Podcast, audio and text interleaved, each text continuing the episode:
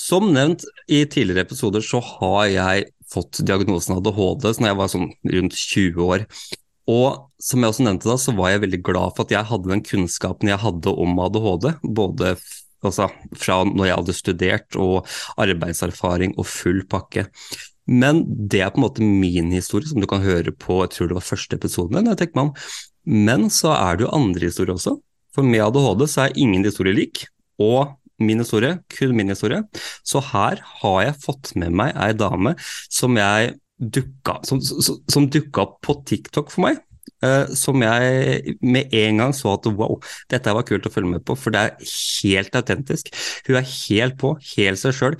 Kler seg naken, ikke fysisk, nei, nei, nei, ikke fysisk. Hun kler seg naken foran kamera på en metaforisk måte, sier hei, hei, dette er meg, jeg har, har ADHD, deal with it. Så velkommen til deg, Karen. Halla! Hallo, tusen takk. Det, går det bra, eller? Det går superbra. Eh, ikke, ikke, naken nå heller, jeg altså. Nei, så fint. Altså, nakenhet er helt ålreit det, men, men, eh, vi kan godt ta, være påkledd, så ja. i hvert fall oppmerksomheten er på riktig sted. Men takk for introduksjonen, det var veldig veldig koselig. Ja, Så bra. Og tusen takk for at du har lyst til å være med, jeg syns det er skikkelig kult. Er du klar for å komme i gang? Jeg er veldig klar. Nydelig. Du, jeg lurer på, for alle de som sitter der hjemme med koseplettene sine, eller sitter i bilen og koser seg med varm bil nå i kulda, hvem er du sånn i korte trekk, Karen?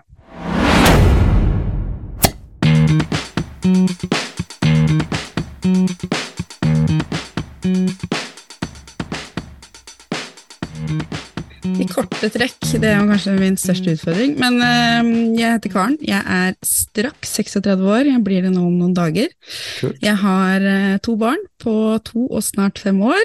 Eh, jeg er gift og bor på Hamar. Eh, jeg jobber som kommunikasjonsrådgiver med sosiale medier for det beste, og ja, hva skal jeg si? Livatt jente som er ja, jeg trives i både sosialt og alene.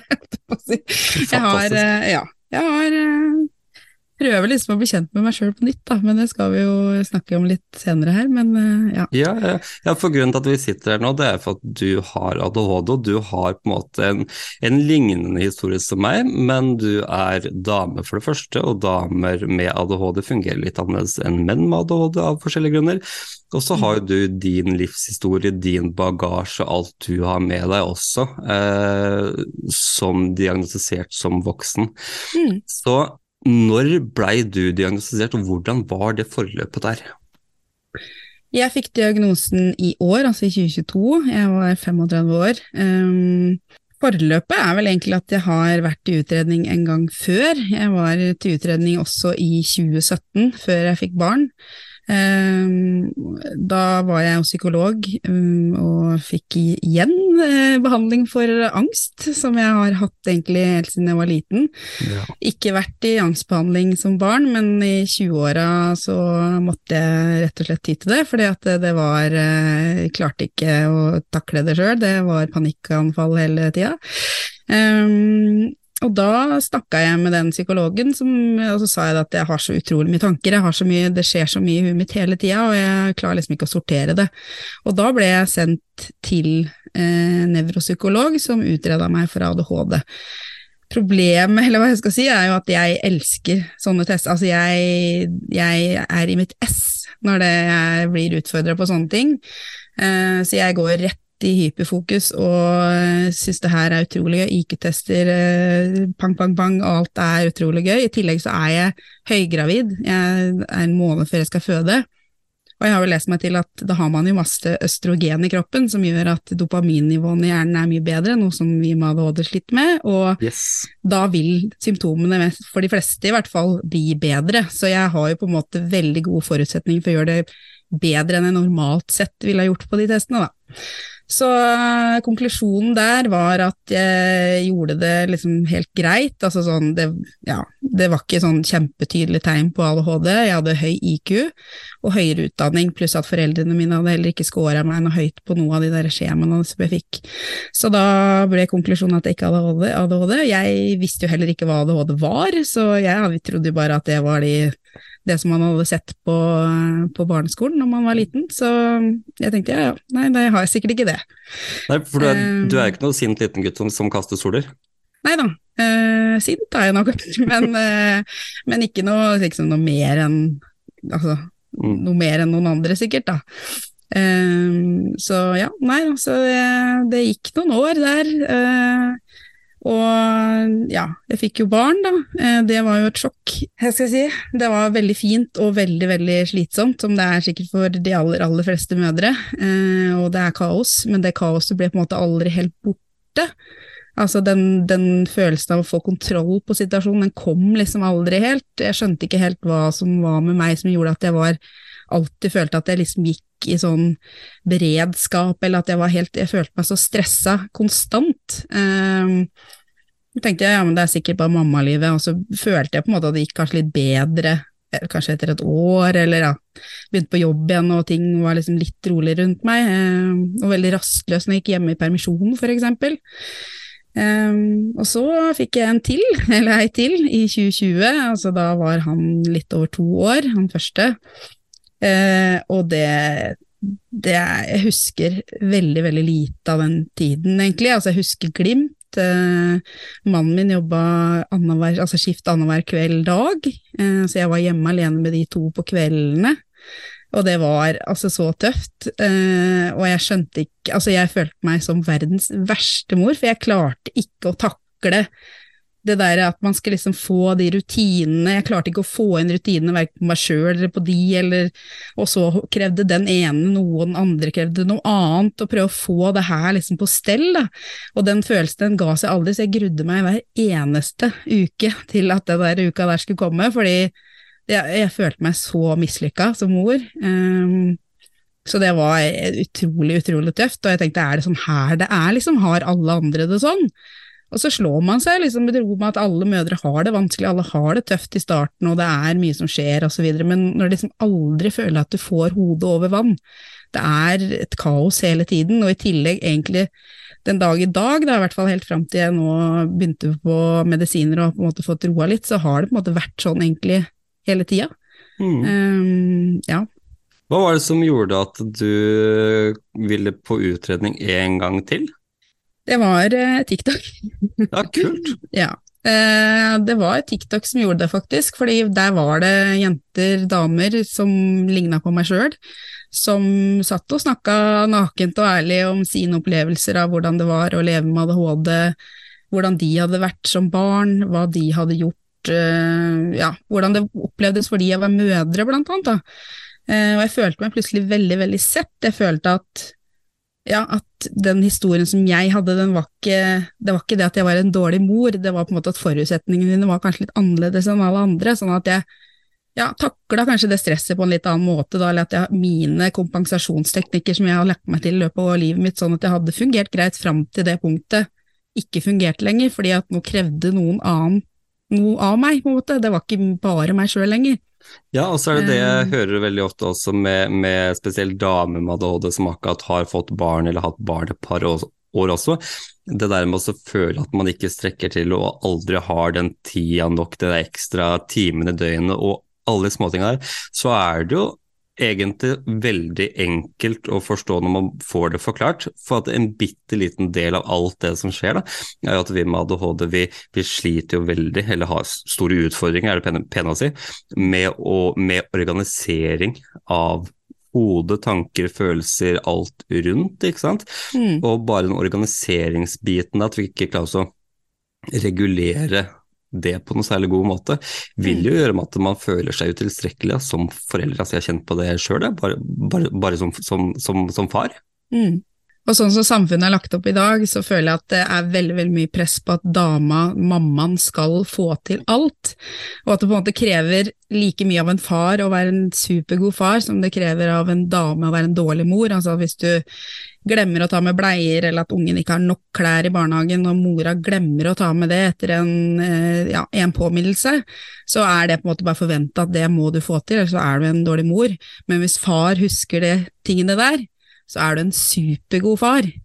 Eh, og det der gjør at det presset blir utrolig vanskelig, og man sitter med utrolig mye skam som mor, man sitter med utrolig mye dårlig samvittighet, fordi at man skal på en måte ha alt på stell, man skal klare å huske alt, man skal ja, bare klare å liksom bare fungere normalt. Eh, og når du da føler at livet ditt egentlig er du lever flere tiår etter, at du er så på bakpå at det, det, du klarer ikke å henge med alltid, så er det utrolig tøft. Og i tillegg kjenne på det trykket som samfunnet har, da, selv om på en måte ikke noen sier det direkte til deg, så har du jo det med deg fra du er barna, på en måte, at sånn er det, og sånn er det å være mamma.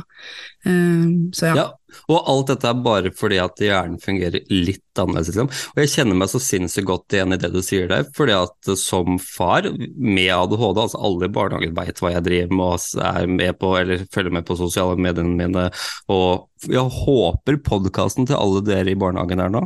Mm -hmm. men, men jeg kjenner meg så veldig veldig godt igjen. For det er litt sånn når jeg kommer dit også, så ja, husk å sende med noe mer bleier og noe mer sokker og sånn. Så jeg sier ja, du, det, det, skal jeg prøve på. Og så er det sånn ja, ja, ok, greit. Men så er det sånn hvis kona kommer, så er det en mer forventning til at det kommer til å skje. Og jeg har en kone som har ting på stell, ja, altså. Eh, jeg har vært fryktelig heldig der og valgt eh, veldig rett, rett kone. Eh, liker jeg å si til meg sjøl at det er jeg som har valgt det, men hun var vel med på det, hun også. Og hun men, men det, er, det, er, det, er, som du sier, den der kjønnsfordelinga der, den er jo skakkjørt. Og når du da har en hjerne som fungerer litt annerledes enn majoriteten også, så vil jo dette skape litt problemer. Det, det er helt klart. Mm. I tillegg da, sånn som min, min kompensasjonsteknikk, altså si, min strategi for å fungere har, måte, er å jage meg sjøl med angst. Det er min måte å få ting gjort på. Så det er ikke ja. det at det ikke blir gjort, men det er bare prisen og det som det koster meg å få gjort det. Mm. Det er gjerne det ingen ser, og da skjønner jeg jo det at folk lurer på hvorfor jeg tror at jeg har ADHD, fordi at det, utenfra så ser det ut som alt er på stell, men det er prisen, det er uh, hvor mye det koster meg å få det til.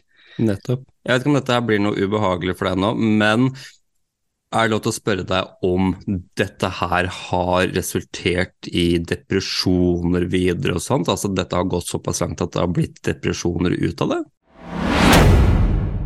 Jeg har vært deprimert, ja. Det har jeg absolutt. Altså, det er noe med når man ikke altså, Det er jo noe med selvverdet i dette her, selvfølelsen. Eh, det gapet mellom å ha god selvtillit og selvfølelse er ganske stort.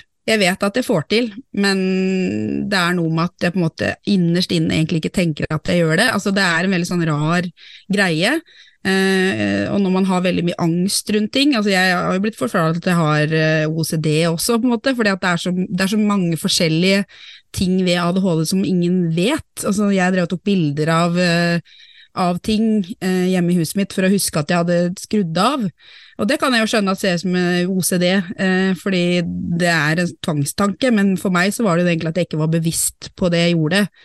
Og når du driver med så mye ting, du har angst for alt, selvfølgelig, du blir jo deprimert av det. Og jeg har vært utbrent veldig, veldig mange ganger, det blir man også deprimert av, fordi at man ja, man får føler man ikke strekker til noe sted, så absolutt. Uh, ja. Men jeg tror ikke jeg har vært deprimert hver eneste gang en lege har sagt at jeg er deprimert. Det tror jeg ikke, fordi det er veldig, veldig lett.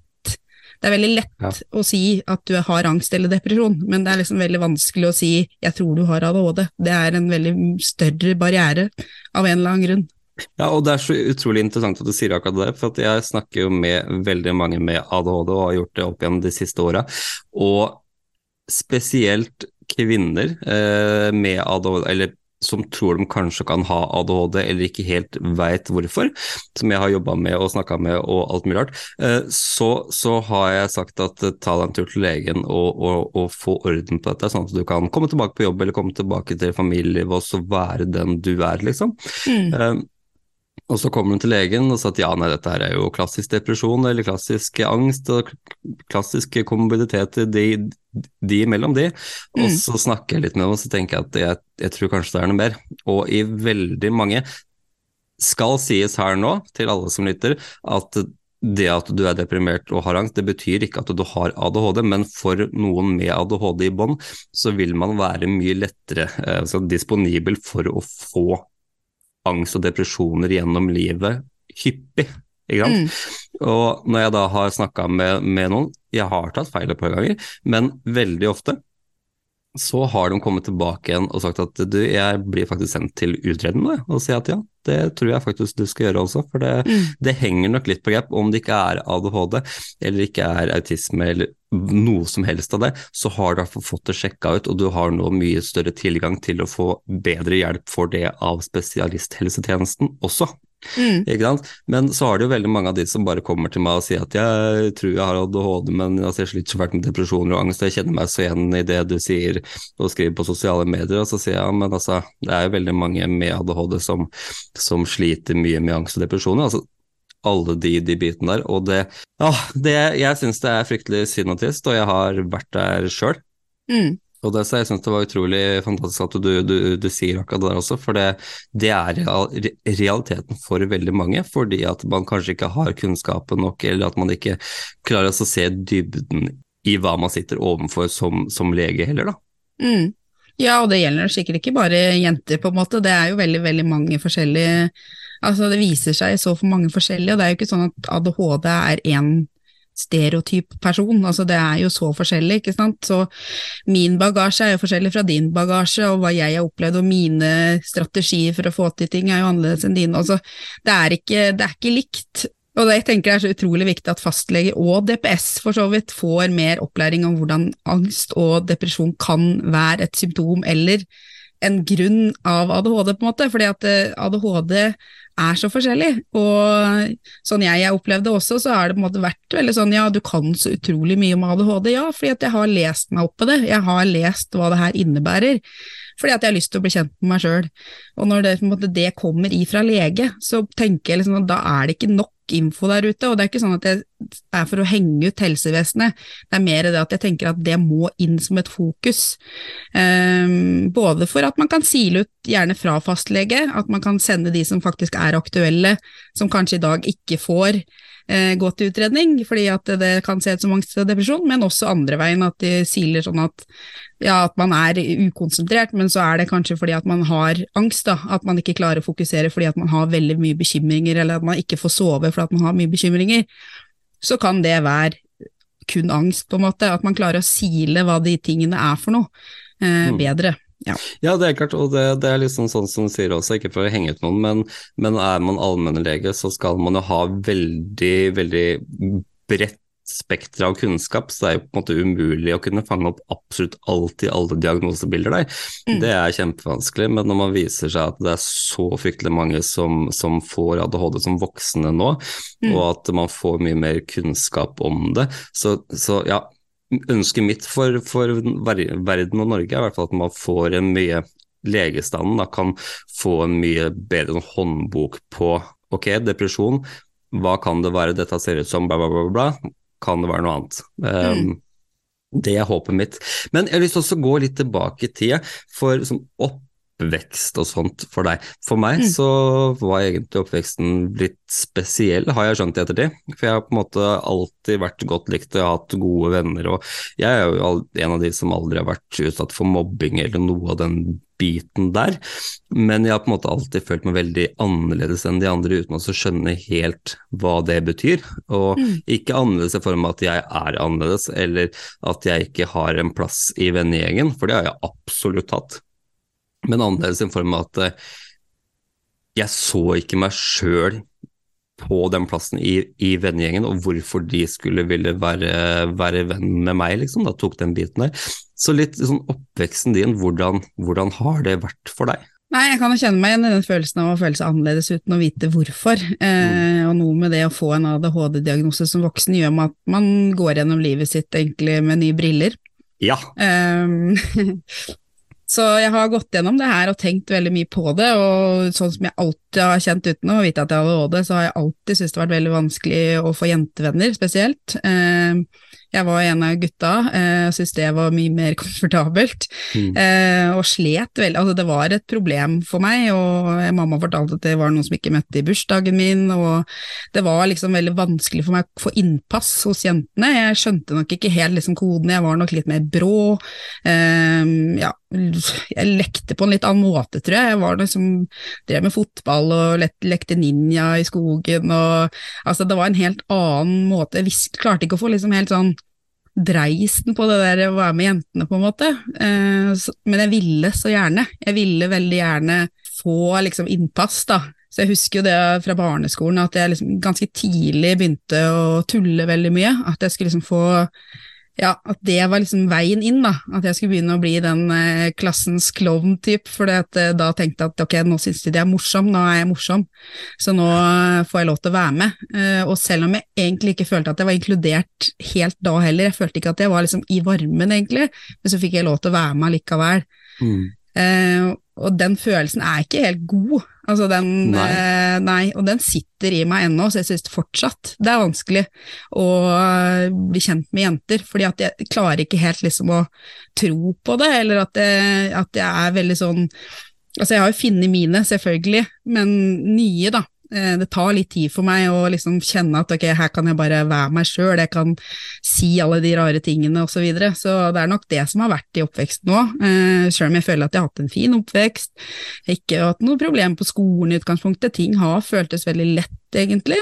Hata jo lekser selvfølgelig, som alle andre, men det var jo helt forferdelig. Mamma har jo sagt at det der lesestyret med lesekort og det var altså, og det måtte ha 100 påminnelser om at jeg faktisk satt og gjorde lekser, liksom. Altså, jeg satt og så meg rundt og kasta blyanten og Altså, det var, det var veldig mye, men for mamma så var jo ikke det noe Altså, jeg var første barnet, så hun ingen, hadde ingen å sammenligne med, så for hun var det liksom ikke noe annerledes enn Visste ikke noe om noe annet, da. Mm.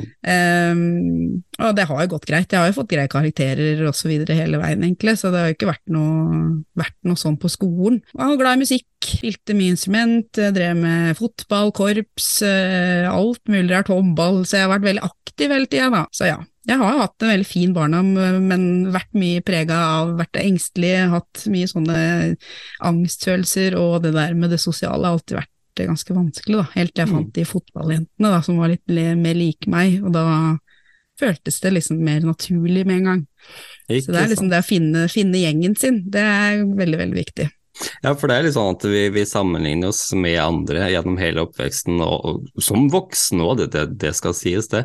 Og den der sammenligningskulturen, den, den, er jo ikke veldig pen hvis du, hvis du ser på deg sjøl i et uh, negativt lys, eller når du begynner å se på deg sjøl i et negativt lys, for at vi vil jo på en måte rent genetisk og atferdsmessig oppi hjernen, så vil man jo ikke være annerledes. Man vil jo ha en plass som er solid, og da må man på en måte være litt på samme nivå som de andre på forskjellige eh, ting. Og hvis man ikke føler at man er helt også, så blir jo det litt uggen for identitetsutviklinga og alt. Da. Så det, ja, jeg kjenner igjen veldig det du sier der, og jeg ble liksom ikke superprega av det, men jeg har tenkt veldig mye på hvorfor. Hvorfor er det sånn?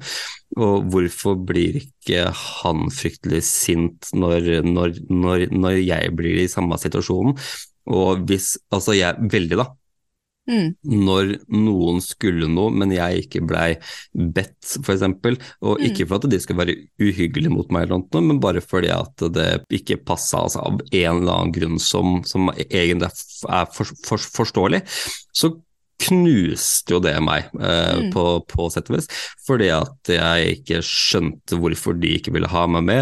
Og så har man jo veldig mange sånne tanker oppi huet sitt da, med ADHD og altså, nevroutviklingsforstyrrelse, om at man, man, eh, man tar de de tinga der veldig personlig og tar det veldig ille opp uten at det trenger å være det i det hele tatt.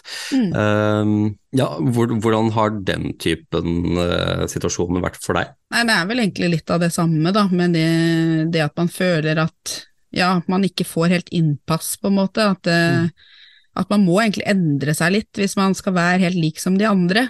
Den følelsen der, den er ikke helt god, og så skjønner man liksom ikke helt hva som ikke som ikke er likt heller, på en måte, for man er jo bare seg sjøl, og man er barn, og ja, jeg vet jo fortsatt ikke dag i dag egentlig hva som, hva som, gjorde det, men jeg er jo ikke noe typisk jente-jente-jente, altså som lekte med Barbie og den type, så det er nok litt sånn hva man likte å drive med òg, ikke sant. Jeg var veldig aktiv, likte å ja, jeg var nok mer direkte, kanskje, og litt sånne ting, så det, er, det har nok satt seg i meg på et eller annet vis, det der, eh, den der. Og mm, ja, jeg tenker ikke så mye over det heller, for så vidt nå, men allikevel så har man jo med seg ting fra Ja, ja. hele livet. Så ja, på et eller annet vis så ligger det nok der i bakhuet og skurrer litt, men Ja, ja, ja. De man lærer seg jo ting allikevel, selvfølgelig, opp gjennom livet. Ja, det er helt klart det. Og akkurat det med, du sier med, med at du var liksom mer guttejentete, at det var lettere å forholde seg til gutt og sånt, det, det er også noe som, som går igjen veldig uh, for, for damer. Og det er jo rett og slett det at ADHD-hud, det fungerer mer eh, rett på sak. Eh, det er Mm. ikke så veldig mye av det der typiske jenteintrigene som går bak ryggen og eh, ja, som er vanskelig å forholde seg til i, i, i det hele tatt. Da. Eh, så det er veldig mange som sier også, det var i, i, eh, eh, samtalen jeg hadde med, med Rovena også, eh, for Mm. noen episoder siden, så, så forteller hun også akkurat det samme. Så det er mye lettere å hoppe ut av vinduet klokka fire om natta for å bli med gutta ned, ned og fiske, ikke sant. Mm. Uh, ja. Så det, det er jo ve veldig, veldig typisk, og det betyr jo ikke igjen til alle lyttere ute, at det be be betyr jo ikke at det er sånn det må være for jenter med ADHD, Nei, nei. Men, men det er veldig mange som, som har den der eh, tanken og følelsen der, da. Mm. Ja, den går, jeg. veldig, den går veldig igjen, har jeg sett, og jeg er jo på, på noen forum og litt sånn forskjellig, og jeg ser jo det, at det, det går jo igjen. Eh, og det er jo noe med at jenter ofte ja, snakker eh, mellom linjene, holdt jeg på å si, eh, med både kroppsspråk og alt. Altså det er, det er noen koder der som eh, ikke alltid er like lett å oppfatte når man sjøl er veldig direkte eh, skrudd sammen. Yes, Mm. Ja, jeg er helt enig.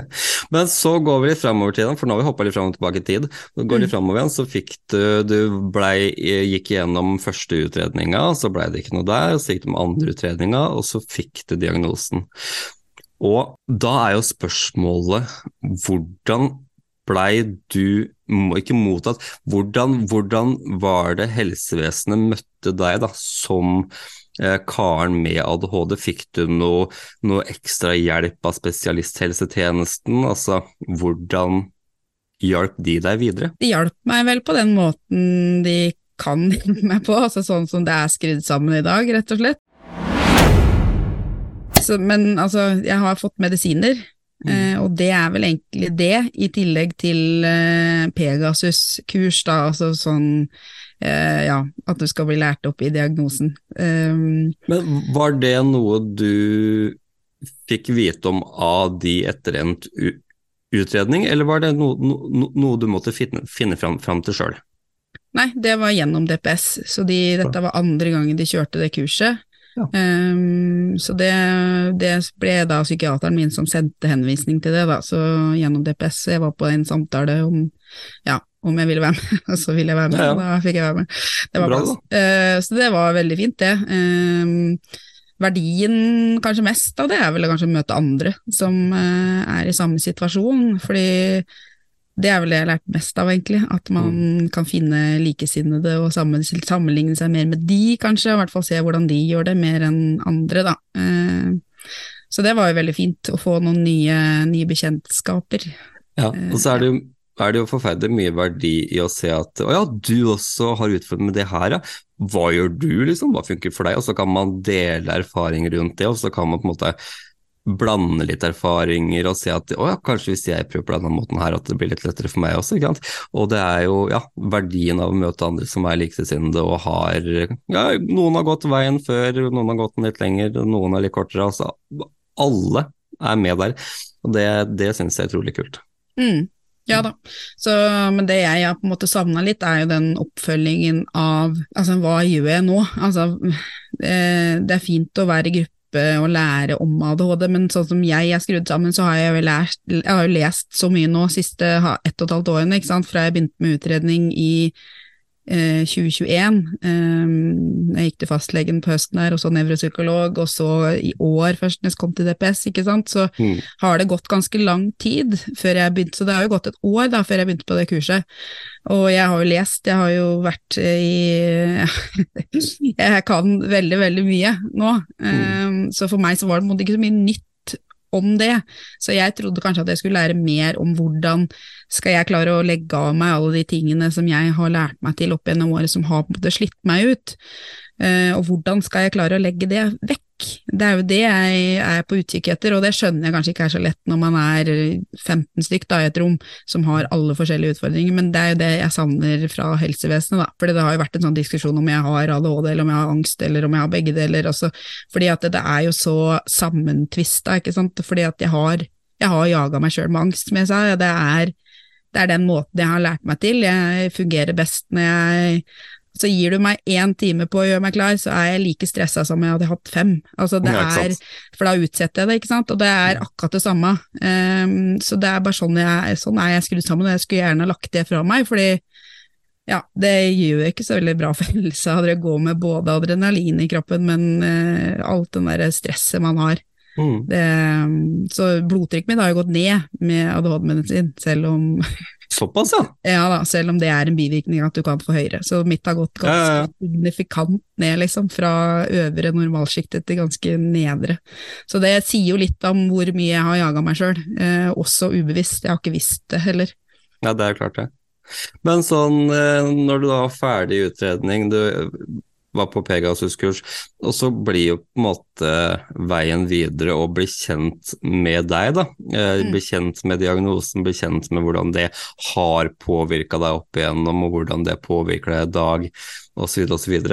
Eh, hvordan syns du den prosessen der har vært? Det har jo vært eh, ganske altoppslukende, hvis jeg skal si det. det har jo, du blir ekstremt bevisst på deg sjøl, og det er veldig ubehagelig, egentlig. fordi Mm. Du går hele tida og tenker er dette, er det, å, er det sånn, ja, hvorfor gjør jeg det, og så, du blir så sjølbevisst at eh, ja, det setter deg litt sånn ut, egentlig. Um, ja, du skal liksom nøste opp i alt og finne ut av alt, og ja, da er det derfor jeg gjorde det, men selvfølgelig, for meg så har det òg vært veldig sånn det har vært veldig greit også, fordi at jeg har hatt så mye skam rundt veldig, veldig mye ting.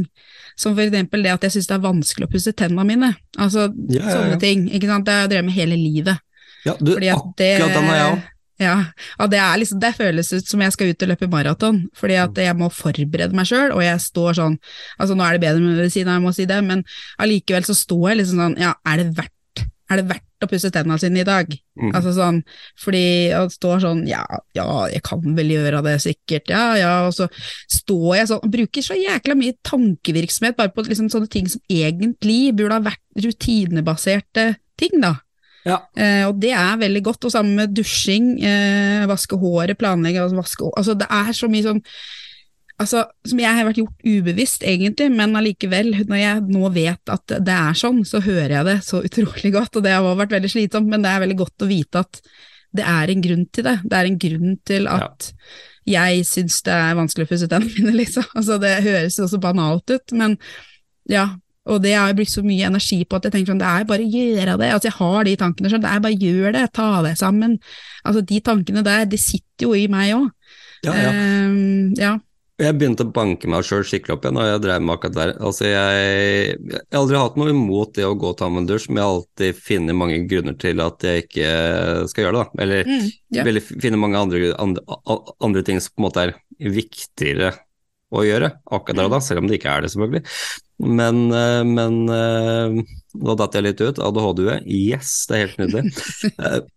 Eh, men, men jo, jeg begynte å banke meg opp, da, da, da var jeg, vet du. Jeg begynte å banke meg opp sjøl med sånn derre ah, det er så teit og det er så dumt, og bare plukk den opp, da. Du har en hånd, ikke sant. Plukk den opp, og jævla idiot, ikke sant. Og begynte å banke meg sjøl opp. da. Og det, det, det var også etter jeg fikk diagnosen og skjønte at dette her er en utfordring av sånn og sånn.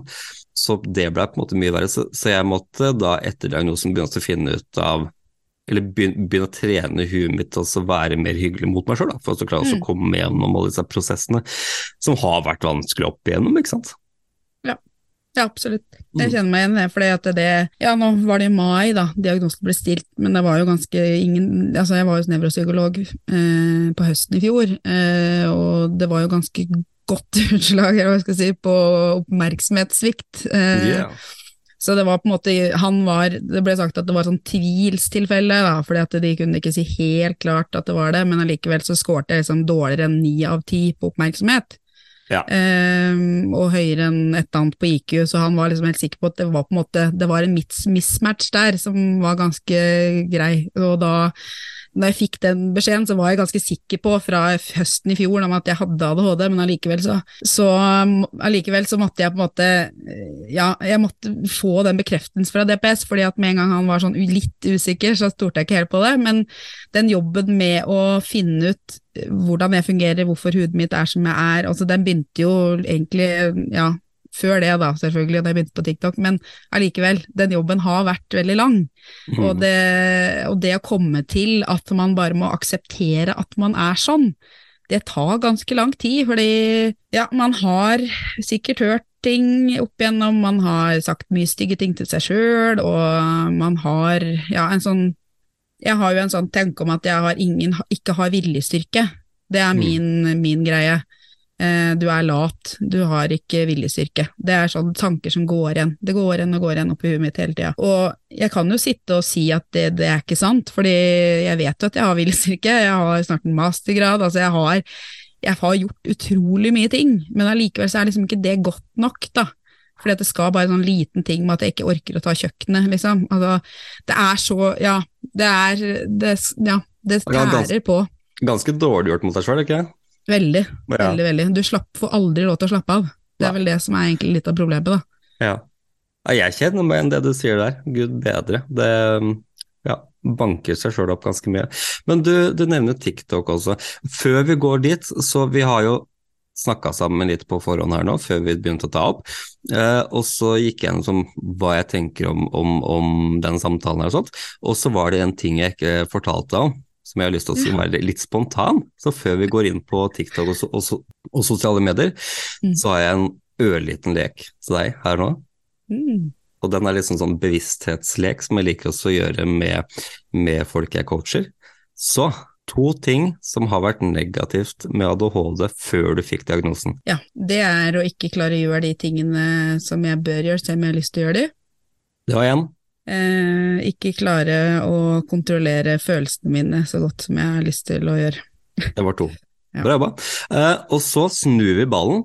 Skal vi ha tre ting som er veldig positivt med din ADHD etter at du fikk diagnosen og har blitt kjent med, med, med deg sjøl? Mm, jeg er veldig direkte.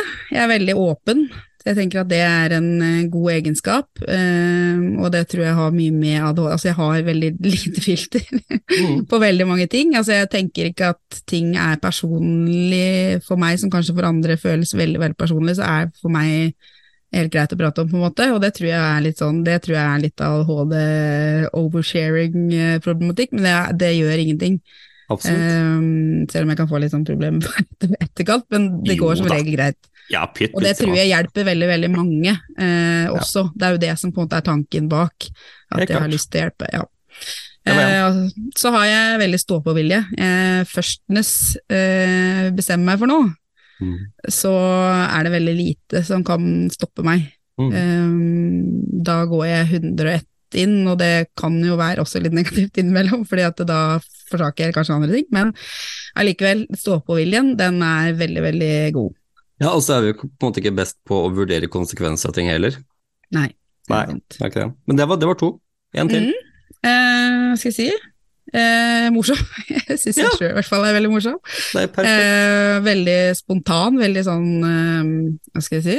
Jeg bruker mye Ja, jeg sier ting som det er, da, rett ut, og ofte, ofte, en artig kommentar på lur, sånn som folk kanskje kan tenke, men ikke tør å si, eller Ja, ja, ja. ja. Så det, ja da, det har jo hjulpet veldig på Ja, det var jo det jeg begynte med på barneskolen, det som jeg syntes var kanskje litt slitsomt da, men det er jeg veldig glad for at jeg har lært meg til, da, for ja. jeg syns det er en god egenskap. Kult. Jeg syns den der leken er så kul, fordi at altså, det er positive ting med ADHD, men det er også negative ting. Og mm. de negative tinga jeg synes ikke man skal glemme dem helt, fordi at de ligger der. Og noen ganger så kan de lure å komme til overflaten hvis vi ikke er bevisst på dem. Og så har man alle de tre positive ankra i bånn der som viser at det, dette her går egentlig veldig fint. Jeg må bare jobbe meg gjennom litt, litt akkurat her, her og nå. Mm. Så det er en sånn lek jeg syns er veldig fin å gjøre, og det har fått mye god respons på. Hvordan syns du det var å få den sånn spontant rett på her, her nå? Nei, jeg syns det egentlig var greit. Jeg blir alltid nervøs når ting er spontant, for jeg vet ikke hvordan jeg. Ja, ja, ja. Jeg er så redd jeg skal si noe jeg ikke mener å si, men det, det Mm. går som regel greit. da. Jeg tar jo sånne ting ganske Jeg kaster meg på som regel, så det, det går greit. Jeg syns svarene Det- dine var helt, helt geniale. Så bra. Sosiale medier. Du Mhm. er jo der. Det var der jeg så deg for første gang og tenkte ah, dette er kult, jeg digger dette her. Og jeg begynte å følge deg og har fulgt nesten alt du har gjort. Og ja, jeg har det. Jeg syns det er ordentlig. Tusen takk. Men Det hørtes ikke ekte ut, den var faktisk ekte. Tusen takk, det, det skal sies. Eh, Men hva er grunnen til at du begynte For du begynte på TikTok? Ja.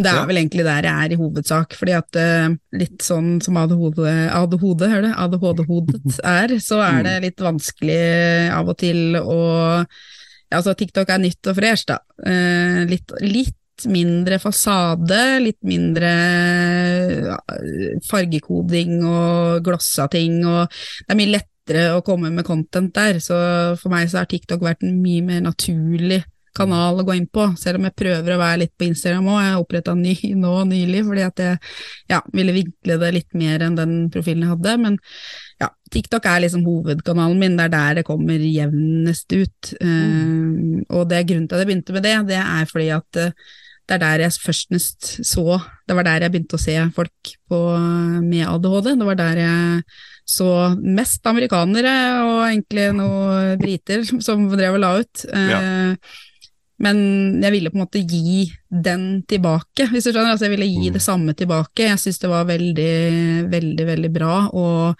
det fyrte en flamme inn i meg, i hvert fall, som gjorde at eh, ja, jeg kjente at liksom det her er det er kallet mitt, nesten. Altså sånn, Ja, det ja, føltes så riktig å skulle dele om det, selv om det er utrolig skummelt. Eh, og det at man alltid går egentlig og venter på at noen skal si at ja, men sånn jeg, og jeg ikke ADHD, og altså, alltid skal være en sånn kommentar, og sitter og venter på det, og det på en måte egentlig skygger over alle de positive kommentarene, så er det på en måte verdt det likevel, da. Det er verdt den der følelsen av å Ja, alle de som ja, sier at de eh, får en aha-opplevelse, eller at de har ADHD og kan kjenne seg Altså, så Absolutt. det er veldig fint å være en stemme der ute, kjenner jeg. Absolutt. Ja, for, altså, jeg, jeg kjenner igjen dette så veldig godt, for at jeg starta på Instagram som stedet mitt, for der har jeg, kunne jeg ting fra, fra før av litt. Eh, men så tenkte jeg at jeg vil utvide TikTok til TikTok, kanskje treffer flere mennesker og når ut enda litt mer også. Og da fikk jeg relativt fort eh, meldinger fra nordmenn som sa oi, en norsken som snakker om, som snakker om dette her, det, det, det trengs, og det, det var liksom veldig velkomment. da. Eh, har du Mm. hatt de erfaringene der, eller?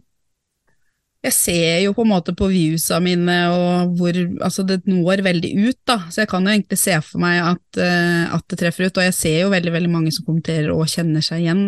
Ikke så veldig mye at, er- at jeg er norsk, sånn sett, men uh, det er jo ikke så mange norske som Nei. gjør det, så det ser jeg jo sjøl òg, fordi jeg får ikke opp så mange Altså, noen snakker om det, men kanskje ikke sånn helt bare det, da. Jeg prøver jo å ha litt andre ting òg, selvfølgelig, men jeg prøver å ha litt sånn variasjon mellom mine ting og det jeg har lest, og litt erfaringer og så videre, da, så det Jeg, tror tror, det det treffer Ja, det virker som at det er mange som kjenner seg igjen i det, i hvert fall. Ja, det har treffet meg. Virkelig. Ja, det ordentlig hardt har treffet meg. Jeg, jeg har jo trua på at eh, det, at det finnes veldig mye bra som kommer fra Amerika, Australia og England for det meste, som jeg har sett. Men, men det å kunne få god opplysning og, og, og ha noe å kjenne seg igjen i på sitt eget morsmål, det er en verdi, det, altså.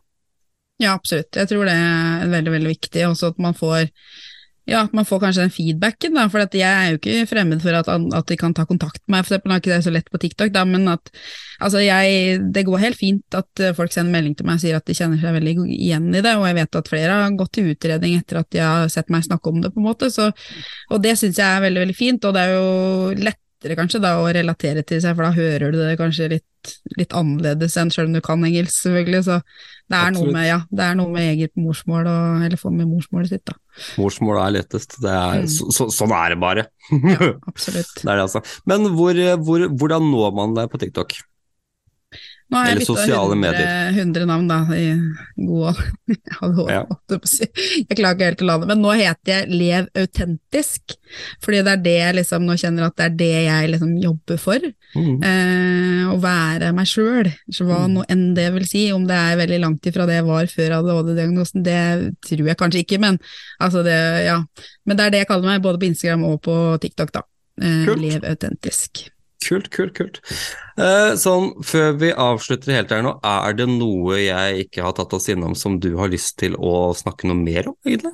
Jeg tenkte litt på det her når vi snakka om barndom, at vi på en måte ikke kom helt innom ungdomstida, for jeg tenker at det er ganske si, Når jeg har gått gjennom min, eh, min flashback fra hvordan ting har vært, så har jeg kanskje sett hvor, hvor ting begynte å skurre, da. Eh, Ja. Hvor jeg kanskje har tenkt at her kanskje man skulle ha tenkt tanken, eller ja. Um, fordi det har jeg også hørt er veldig, veldig vanlig, at mange kommer seg ofte til ungdomsskole eller til videregående før det liksom begynner å virkelig slite. Og jeg hadde ikke så mye problemer med skole eller noe på, nei, på ungdomsskolen, men på videregående, da var jeg altså Jeg husker nesten ingenting fra videregående. Mm. Eh, veldig, veldig deprimert. Og det som jeg også har lest, da selvfølgelig jeg leser jo alt mulig, det er jo dette her med hormoner og jenter, ikke sant. Eh, når du da begynner å kicke inn for fullt på ungdomsskole, eh, videregående, og du er full av hormoner, noe som også skjer etter du er født, eksempel, så at du er veldig utsatt for eh, litt samme følelsen da. Det er jo det at det, det, det, hodet ditt klikker jo, ikke sant. Du blir jo Mm. helt ko-ko av alle de tingene som skjer. Så der tenker jeg jo kanskje at noe skulle ha at det, Ja, et eller annet vis, da. Um, men det som var, at foreldrene mine skilte seg rundt samme tid. Eh, det var veldig mye som skjedde. Jeg flytta, fikk få lavt stoffskift. Altså, det var så mange andre grunner som gjorde at det på en måte ikke ble noe mer av det. Men eh, jeg tenker ja, at det, det er noe med der at hvis jentene endrer oppførsel veldig fra liksom en ting til en annen, nesten sånn i puberteten, så føler jeg liksom at det er nesten en sånn varsellampe. Altså, selvfølgelig man er hormonell, men hvor går grensa for det, på en måte? Yes. Um, og det er en sånn ting som ikke blir tatt hensyn til eh, veldig mange steder, og det spurte jeg også om på det Pegasus-kurset, om hvordan det er med hormoner, fordi når du har en menstruasjonssyklus, så går jo disse, dette opp og ned, når du har eggløsning, så er du bare kjempeklar for å gjøre masse ting, du avtaler ting, du skal starte 100 businesser, begynner med en ny hobby, og så det er så mye ting du skal gjøre, og så daler det ned før menstruasjon, og så er det bare sånn, du er helt ferdig, altså det er ikke mulig, og da kommer jo alle de avtalene som du har lagt to uker før, ikke sant. Så det er, eh, det der hormonelle har så utrolig mye å si, og den forskninga som gjøres nå, er så viktig. Ja, den er verdifull. Og, eh, og med tanke på medisiner også, fordi at det òg gjør at går du på medisiner, eh, eller trenere, altså det påvirker alt, ikke sant. Så når du går på medisiner, så kanskje du trenger mer medisiner en liten periode i måneden, og mindre. Altså, ja. Det, det har veldig, veldig mye å si. Hormoner er eh, ja. Det er nøkkelen for, for, for det. Altså, selvfølgelig litt for gutter og menn også, men for damer som går gjennom sykluser hver månedlig, Mm. med, med, med ukentlige omtrent, da, opp- og nedturer, ikke sant. Det, det skaper kluss i balansen. Det er ingen tvil om. Men se for deg overgangsalder, da. Ja, da er det jo ny, ikke sant. For da Yes. begynner du å tenke sånn, ja, hva i charter skjer nå? Nå eh, funker ikke medisinene lenger, da, da. Nei, for da har du ikke nok østrogen, ikke sant. Nettopp. Som er med på å funke eller hjelpe hjernen din. Så um, nei, det der greiene der, det, det er utfordrende. Ja, det, er så jeg er glad ADHD Norge i hvert fall hadde noen episoder på det her, og jeg Ja. har hørt hun der, eh, jeg husker ikke hva het fru Svenske, som er eh, fra Duktig, duktig flikka til utbrent kvinne, heter Ja. den boka. Eh, og den er så spot on at det hjelpes meg. Den er superbra. Mm. Den snakker også om det her, da. Eh, Fantastisk. Men hvis det er sånn at det sitter eh, mennesker som eh, hører på det vi sier og kjenner seg igjen i, i, i det, som tenker at de kanskje skulle sjekka ut om de har ADHD eller noe annet, selvfølgelig, eh, har du noen tips til de andre? Hvis jeg tar et par-tre tips til de? det jeg har sagt før, i hvert fall, det er at, eh, og det jeg gjorde sjøl, det var egentlig å bare begynne å skrive ned. Hva Mm. er det jeg sliter med? Um, hva er det jeg syns er utfordrende, og hvorfor er det, altså, hva er det som skjer inni meg når det her er vanskelig, og hva er omgivelsene rundt? Eh, fordi det har så mye å si at du klarer å sette ord på det. Hvis du skal til en lege da, og finne ut mer ut av det her, så er det så viktig at du har, har det med deg. For det å sette seg ned i en stol og si at ja, men jeg er litt uh, ukonsentrert, det holder ikke. Og i hvert fall ikke nå når jeg har hørt at så mange blir bemøtt med at ja, dette er en sånn TikTok-trend å ha ADHD. Ja, Da, da, da må man komme med litt mer ting, og det er veldig greit både for seg sjøl, men også for legen å bare ha det svart på hvitt at det her er det jeg sliter med, og hva kan du hjelpe meg med? på en måte. Det, det er veldig viktig. Ja, og jo bedre forarbeid du gjør, jo mer kan jo legen si at ja, ok, det kanskje er litt hold her. Det er ikke bare noen som kommer og sier at jeg tror jeg har, har ADHD for jeg så på TikTok, men altså har liksom mer håndfast at dette her har jeg utfordringer med, og har hatt det over tid. Det er jo også eh, clou, da, ja, ja. tenker jeg. Fantastisk godt tips, veldig, veldig bra.